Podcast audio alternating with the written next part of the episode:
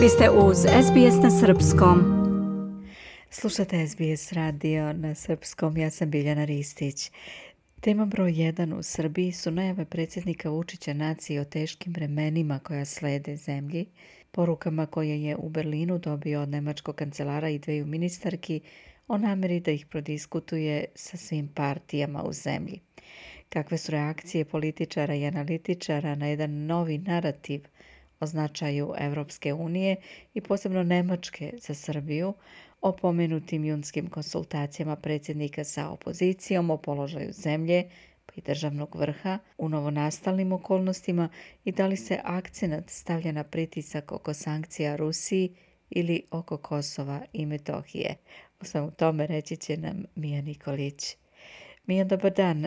Recite nam prvo kako se tumače poruke koje je predsjednik uputio javnosti posle sastanka u Berlinu. Poruku predsjednika Vučića iz Berlina upućenu domaćoj javnosti da je naša pozicija teška, užasno komplikovana i da se on plaši svega što sledi, svako je Biljana čuo na svoj način. To je izjav je dat toliki značaj da je stručnjak za neverbalnu komunikaciju za dnevni list Republika protumačio da predsednikov izraz lica govori pod kakvim smo pritiscima i dodao da nas čeka pakao. Deo analitičara ističe Vučićevu poruku da će Srbija dati sve od sebe kako bi bila stabilizirajući faktor na Zapadnom Balkanu, ali i njegovo obrazloženje zašto je našoj zemlji važna Nemačka. Mi bez Nemaca danas ne možemo da idemo napred i gotovo da ne možemo da preživimo. Dakle, ja sam otvoren prema građanima Srbije.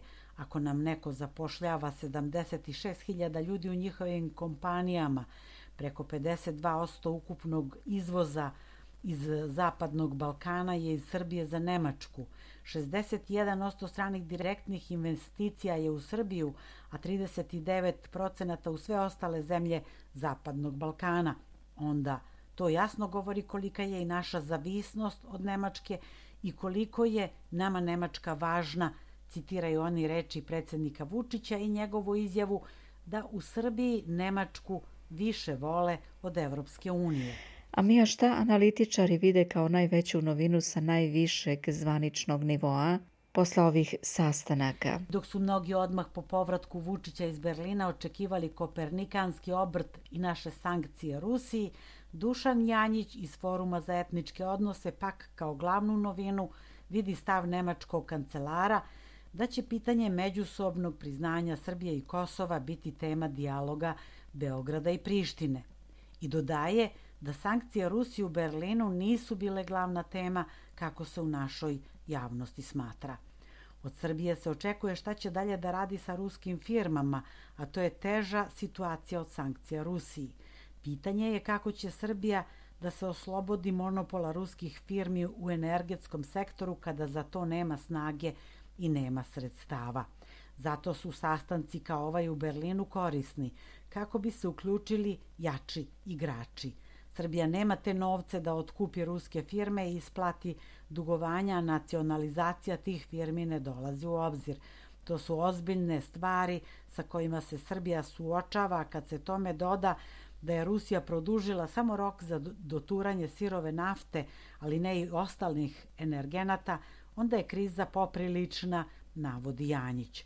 Smatra lepim što je Vučić bio na otvaranju radova u Grčkoj za budući terminal, ali ga čudi zašto se Srbija ne konektuje na onaj u Rijeci, znatno bliži, za koji je potrebna samo konekcija od 60 km mreže, a zašto je očekivao da Vučić u Berlinu zatraži pomoć. Ističe međutim da je vrlo skeptičan prema pitanju priznanja Srbije i Kosova jer je to američka formulacija koja do sada u okviru Evropske unije, posebno Nemačke, nije bila tema dogovora. Smatra da se pitanje statusa, to znači priznanja, ne može preskakati, zaobilaziti, da o tome treba razgovarati, ali ne u okviru međusobnog priznanja. Ne vidi ni jedan razlog zašto bi socijaldemokratska vlada i zeleni odustali od prethodnog stava, to je da je model dve Nemačke najracionalniji u ovakvoj situaciji. Kao glavnu temu vidi podsticanje Kosova i Srbije da sarađuju u okviru nekakvog otvorenog Balkana ili berlinskog procesa i to upravo zbog rata u Ukrajini da se kriza ne bi prenela na Balkan i da bi se sprečili konflikti.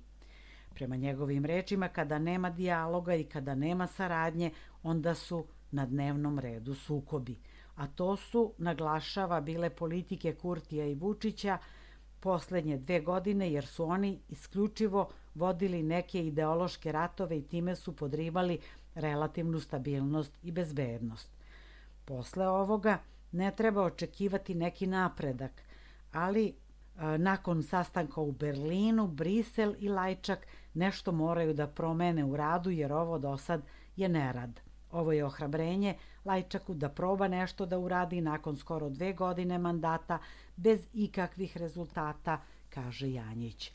Šta ova prvi put od Nemačke pomenuta tema priznanja Kosova znači za Beograd. Profesor Stefan Surlić sa Fakulteta političkih nauka misli da je to vrlo otežavajuća pozicija pre svega za predsjednika Vučića.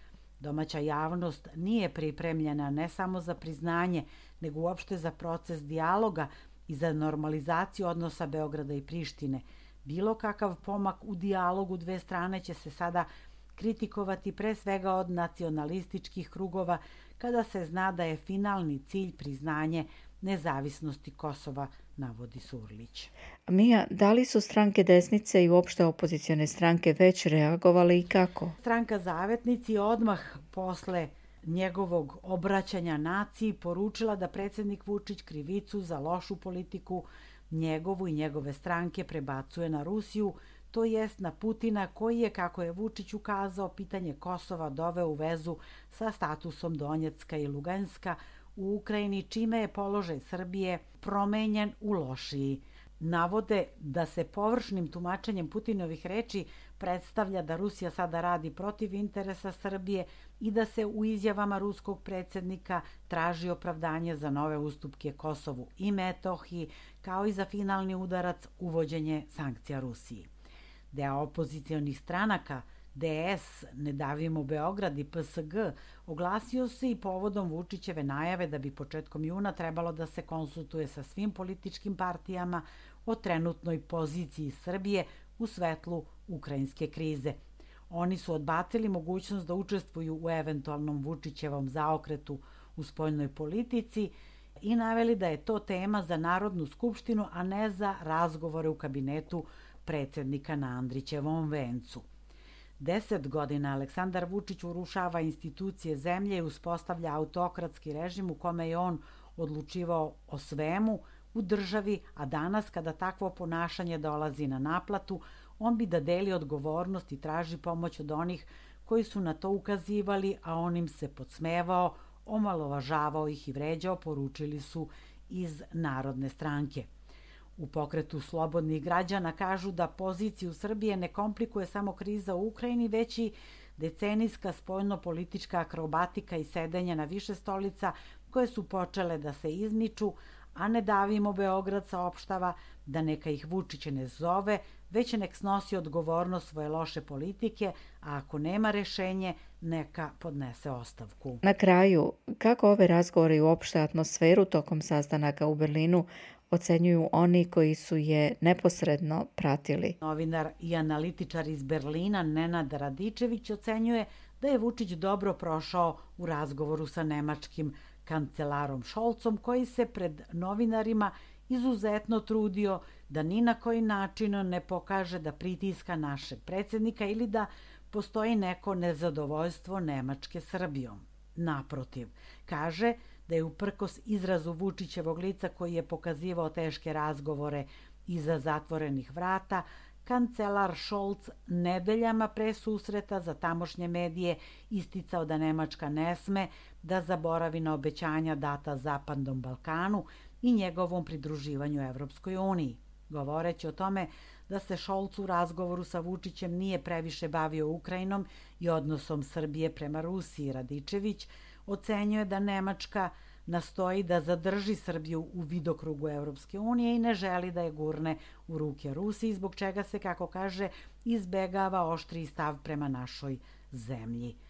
Njima je Zapadni Balkan pre svega bezbednostno veoma važan i zbog toga ne žele prevelikim pritiskom da odguraju Srbiju, a samim tim dovedu u nestabilnost ne samo Kosovo, nego i Bosnu i Hercegovinu, koja inače ovde sagledavana možda kao najveći problem i najveće žarište, poručio je Nenad Radičević iz Berlina.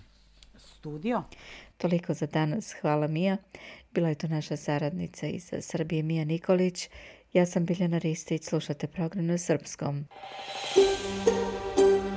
Želite da čujete još priča poput ove? Slušajte nas na Apple Podcast, Google Podcast, Spotify ili odakle god slušate podcast.